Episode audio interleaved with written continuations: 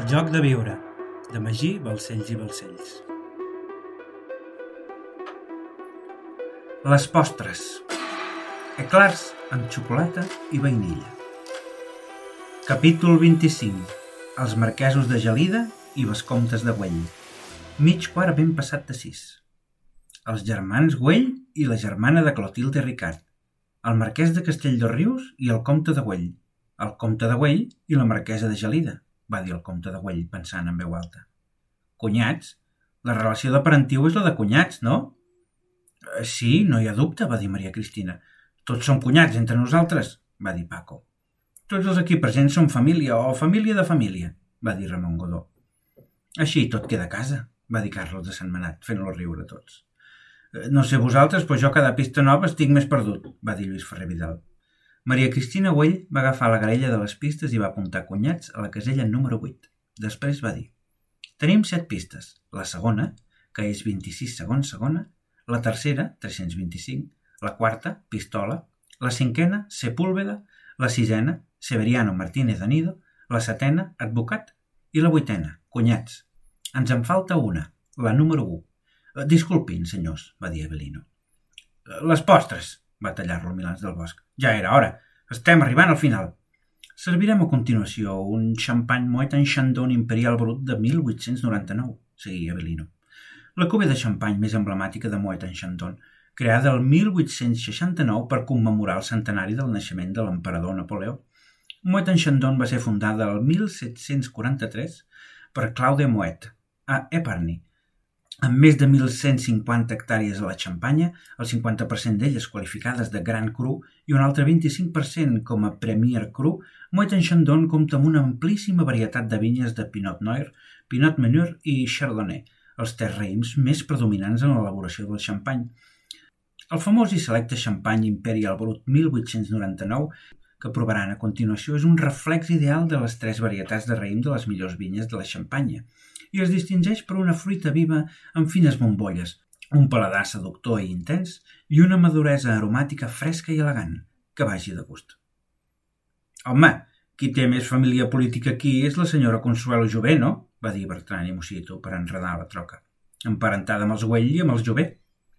Tu també estàs emparentat amb els Güell i amb el Cert, va dir Consuelo Jové. Sí, però de cert només n'hi ha dos en aquesta sala, va contestar Bertran i Mosito. En canvi de Jové n'hi ha tres, sense comptar les seves parelles, és clar. Vaja, així que ara la culpable sóc jo, eh? va dir Consuelo, burlant-se mentre agafava la copa de xampany i es mullava els llavis. Dona, les pistes t'apunten, va dir Bertran i Mosito. Ara et toca a tu defensar-te. A veure si us passen els efectes de la coca perquè cada cop dieu bestieses més grans i més inversemblants, va dir Consuelo Jové. En Pepe té raó, tots ens hem hagut de defensar, va dir Milans del Bosc. I ara us toca a vosaltres. Forma part del joc. Joaquín, por favor, va dir Maria Teresa Núñez. No entraré a comentar res, va dir Consuelo Jové. Als seus 42 anys, Consuelo Jové i Vidal, marquesa de Gelida, havia vingut acompanyada del seu marit Eusebi Güell i López, vescomte de Güell, que si bé formalment era el seu marit a efectes legals, ja feia molt de temps que vivien separats. Havien vingut amb un luxós hispano-suïssa Axis B, descapotable de color blanc, un cotxe exactament igual al del comte de Güell, sent fins a la data els dos únics models d'aquest automòbil a Catalunya. Consuelo Jové era la filla única d'una important família burgesa que havia assolit el rang aristocràtic feia uns 30 anys. Hi havia nascut i crescut a la Torre Castanyer, una grandiosa mansió neoclàssica alçada a les proximitats de la plaça de la Bona Nova i amb una entrada pel passeig de Sant Gervasi, casa que el primer marit de la seva àvia materna, Joaquim Castanyer, va adquirir a mitjan del segle XIX. Adequada amb rigor i sota estricta etiqueta, crescuda en un ambient benestant d'amplis jardins i refinades estances senyorials, Consuelo era una dona amable en el tracte i molt bondadosa. De cabell castany, mitjana estatura i ulls color mel, des de ben petita i com a pubilla d'una casa burgesa molt rellevant, es va convertir en una joia a ulls de moltes famílies burgeses que pretenien eixamplar el seu negoci. En el cas dels Jové Vidal, la fortuna familiar, com moltes de les fortunes burgeses importants, s'havia forjat a Igualada durant el segle XIX L'avi de Consuelo, Joan Jové i Serra, havia nascut a Igualada, però era descendent dels Jové de Copons, aquella família fundada per un cavaler procedent dels Jové de les Piles. D'aquesta manera, Consuelo Jové era cosina dels dos Jovés presents al castell, Antoni Maria Jové i Vilanova i Anna Jové i Peix. Tots tres eren cosins, cosins llunyans, i tots tres trobaven els orígens de les piles i l'inici de les riqueses familiars en els traginers de Copons i Igualada. Joan Jové i Serra, l'avi patern de Consuelo, va néixer a Igualada envoltat del clamor industrial del moment i va saber aprofitar els seus actius per engrandir-se. D'una banda, era fill de la família Jové per part de pare, una família adinerada, i per l'altra era fill també de la família Serra i Franc de Capellades, una família benestant amb diversos molins paperers a Capellades i Gelida, que van revertir en el seu favor quan el seu oncle matern va morir sense descendència. Després de casar-se amb Rosa Maria Costes i Llucià, filla d'una casa bona d'Igualada, Joan Jové i Serra va heretar els molins del seu tiet i es va dedicar a transformar-los, seguint la iniciativa industrial del moment per fundar la paperera La Gelidense, una empresa d'èxit que li va proporcionar els beneficis suficients per esdevenir accionista i vocal del Banc de Barcelona, del Banc Hispano-Colonial i de l'Espanya Industrial, la fàbrica més gran de l'Estat, fundada pels seus coneguts igualadins dels Muntades. Així i tot, la major empresa de Joan Jové i Serra va ser la fundació de l'empresa de navegació Jové i Serra, que va esdevenir la més important de Barcelona, amb 24 velers, dos fragates, dos bergantins goleta, 11 bergantins, dos polacres, dos polacres goleta i cinc corbetes. Arribant a la maduresa, Joan Jové i Serra va esdevenir diputat a Corts per Barcelona pel Partit Conservador i pocs anys més tard, a la seva mort, el seu fill Joaquim Jové i Costes es va fer càrrec dels negocis familiars. Joaquim Jové i Costes va agafar les regnes del negoci familiar, va modernitzar la paperera gelidense i va transformar els vaixells de vela de la neviliera familiar en vaixells de vapor. A més a més, com a patriota espanyol que era, durant la Guerra de Cuba va posar els seus vaixells a disposició del govern per traslladar totes les lleves a les Antilles, un fet que li va propiciar l'agraïment d'Alfons XIII i que el rei va gratificar amb el títol de Marquès de Gelida. Es va casar el 23 d'abril de 1880 amb Consuelo Vidal i de Moragas, marquesa de Moragas, un títol creat pel papa el 1876 en favor de Consuelo Vidal i de Moragas i els seus descendents masculins, i es va traslladar a viure a Barcelona, a la Torre Castanyer, propietat de la seva dona. Fruit del matrimoni entre el marquès de Gelida i la marquesa de Moragas, en va néixer una única nena, la pubilla Consuelo Jové i Vidal, qui estaria cridada a heretar el marquesat de Gelida, no el de Moragas per ser una nena, i tot el patrimoni familiar, però a més a més entraria a formar part de la imponent família Güell a través del seu matrimoni amb Eusebi Güell i López. Disculpin, senyors, va dir Avelino. Finalment servirem les postres, uns eclairs de xocolata i vainilla, una de les elaboracions preferides i més famoses del xef Escoffier. Es tracta d'unes postres franceses fetes amb la típica paté à cruix, una massa feta a base de farina refinada de blat, ous, llet mantega i sal. A què s'ha donat forma allargada i s'ha cuit al forn. Un cop freda, s'ha farcit amb crema pastissera de vainilla i xocolata, amb un glacejat per sobre, que vagi de gust. Eh, gràcies, Avelino, va dir Eusebio Güell. Per fi les postres. A veure si arriba l'última prova i deixem d'acusar-nos d'una vegada per totes. I tu, Eusebi? Hi tens alguna cosa a dir? va dir Paco. Què vols que digui? Em sembla que tots els aquí presents sou coneixedors de la meva incapacitat per inventar un joc d'aquesta magnitud, va dir Eusebi. A mi que no em treguin de la pintura i de la geometria. Tota la resta, cendra i pols. Eh, en dono fe, va dir el comte de Güell. Cendra i pols? va dir Paco. Pols blanca, no? Què insinues, Paco? va preguntar Eusebi. Als artistes us agrada molt la coca, va dir Paco. No tots els artistes som drogadictes, va dir Eusebi. Puc jurar per la meva vida i per la vida dels meus fills que mai he provat cap substància d'aquestes. No juris en va perquè tots hem provat la cocaïna avui, va dir Milans del Bosc. Mai he consumit voluntàriament cap droga, va dir Eusebi amb rotunditat. Eusebi Güell i López, vescomte de Güell i marquès consort de Gelida, de 46 anys, escriptor, pintor i col·leccionista, era un home de mitjana constitució, ulls clars i mirada penetrant, cabell castany repentinat i poblada barba amb algunes canes. Malgrat haver nascut en el si de la família Güell, a diferència dels seus germans, era una persona despreocupada pel que a la tradició emprenedora familiar es referia i passava llargues estones al círcul equestre, al Cercle del Liceu, al Club de Golf Pedralbes i a l'Hotel Ritz de Madrid, per donar ales a la seva vida social i poder així teixir complicitats que l'ajudessin a finançar la seva gran passió, la pintura i l'escriptura. Gran amic d'Isabel Llorac, centrava tot el seu temps i il·lusió en donar vida a la seva passió per la bellesa formal, els valors estètics, la cultura i l'art, atès que era un autèntic tandi hedonista, un intel·lectual d'esperit a qui agradava en extrem l'art. Va néixer el 31 de desembre de 1877 a la Casa Güell de la Rambla, essent el cinquè germà Güell López, tot i que va viure els primers anys de la seva vida en dues cases unides pels jardins, el Palau Moja i el Palau Fenollà. Crescut posteriorment al Palau Güell amb els seus pares i els seus nou germans, on va fer els estudis secundaris realitzats en preceptors particulars, va ser enviat després a Anglaterra per cursar la carrera d'Enginyeria Industrial a la Universitat de Manchester, on va néixer la seva curiositat per la geometria. El 24 de juny de 1901 va contraure matrimoni a Sant Sebastià amb Consuelo Jové i Vidal i van tenir dos fills, Eusebi i Rosa.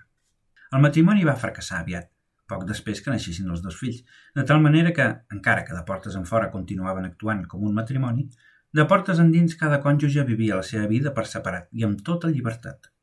D'aquesta manera, els nens van anar a viure al Palau Güell amb les seves tietes, Maria Lluïsa i Mercè Güell i López, on van compartir moltes estones amb els seus cosins i on Eusebi Güell i Jové es va enamorar de la seva cosina Lluïsa de Sant Manat i Güell i s'hi va prometre en matrimoni. Poc temps després, un cop acceptat el noviatge entre cosins per part de tots els pares, Eusebi Gull i López es va desplaçar a viure a Madrid, on vivia envoltat en el luxe de l'Hotel Ritz, lloc des d'on escrivia publicacions i assajos i on podia donar vida a la seva gran passió, la pintura. Des de la capital exercia una intensa vida social i cultural, un fet que el va convertir en gentilhome de la cambra con ejercicio i servidumbre.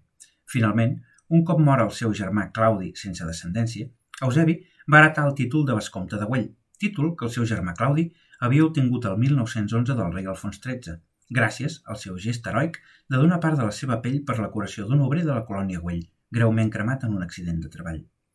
Aquests eclars són deliciosos, va exclamar Edith Llaurador. Boníssims, va dir Isabel Llorac. Millor el de vainilla que el de xocolata per això, eh? D'entre la suau i esponjosa pasta, un cop mossegada, explotava la boca el farcit de xocolata o vainilla, que inundava la boca amb un gust potent i refrescant que convidava a seguir devorant aquella exquisidesa. Això és un deliri pels sentits, va dir Lluís Ferrer Vidal. Un instant després, quan Maria Carbonell encara mastegava l'últim tros de clar, de sobte es van sentir tres cops espaiats a la porta i es va veure caure l'últim gran sobre des de la ranura de la bústia. Es tractava d'un sobre idèntic als anteriors, amb 32 petits sobres numerats a l'interior que, un cop repartits, van llegir per ordre. Aquesta és l'última pista, va llegir Bertran i Mosito. És més fàcil suportar-la sense pensar-hi va dir Joan Godó.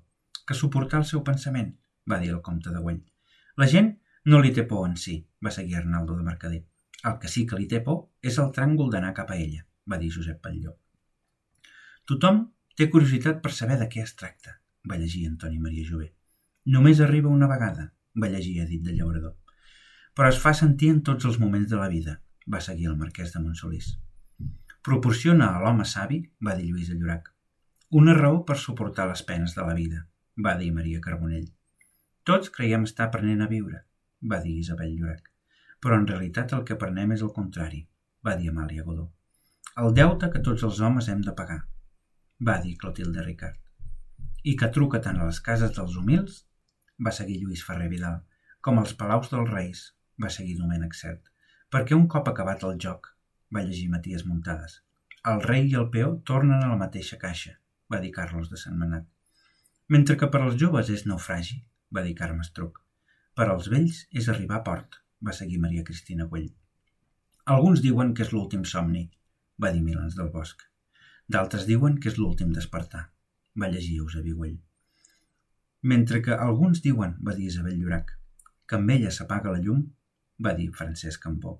D'altres diuen que, va dir Antonio Bertan, amb ella neix l'alba d'un dia sense fi, va seguir Paco, que és la clau que obre el Palau de l'Eternitat, va llegir Ramon Godó. El despreniment del cos físic, va seguir el cardenal Vidal i Barraquer. Com quan la papallona desperta, va llegir Virginia Xurruca, i després d'una vida de misèria arrossegant-se, va seguir Anna Jové. Surt del capoll per volar, va llegir Consuelo Jové. Només un home n'ha tornat, va dir Maria Teresa Núñez. I sobre el seu miracle, la religió més gran s'ha forjat, va llegir Paulina Pozzali. Mort. Es refereix a la mort, no? va dir Bertran i Mosito. Sí, va dir Lluís Ferrer Vidal.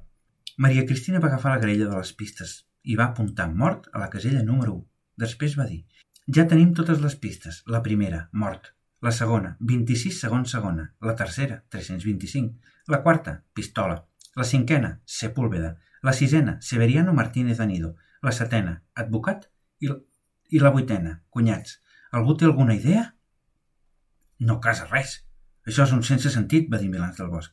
Al moment, trencant el silenci i per sorpresa de tothom, es van tornar a sentir tres cops espaiats a la porta d'entrada i quan tothom va girar la vista en direcció a la porta, va entrar un gran sobre des de la ranura de la bústia i va caure a terra.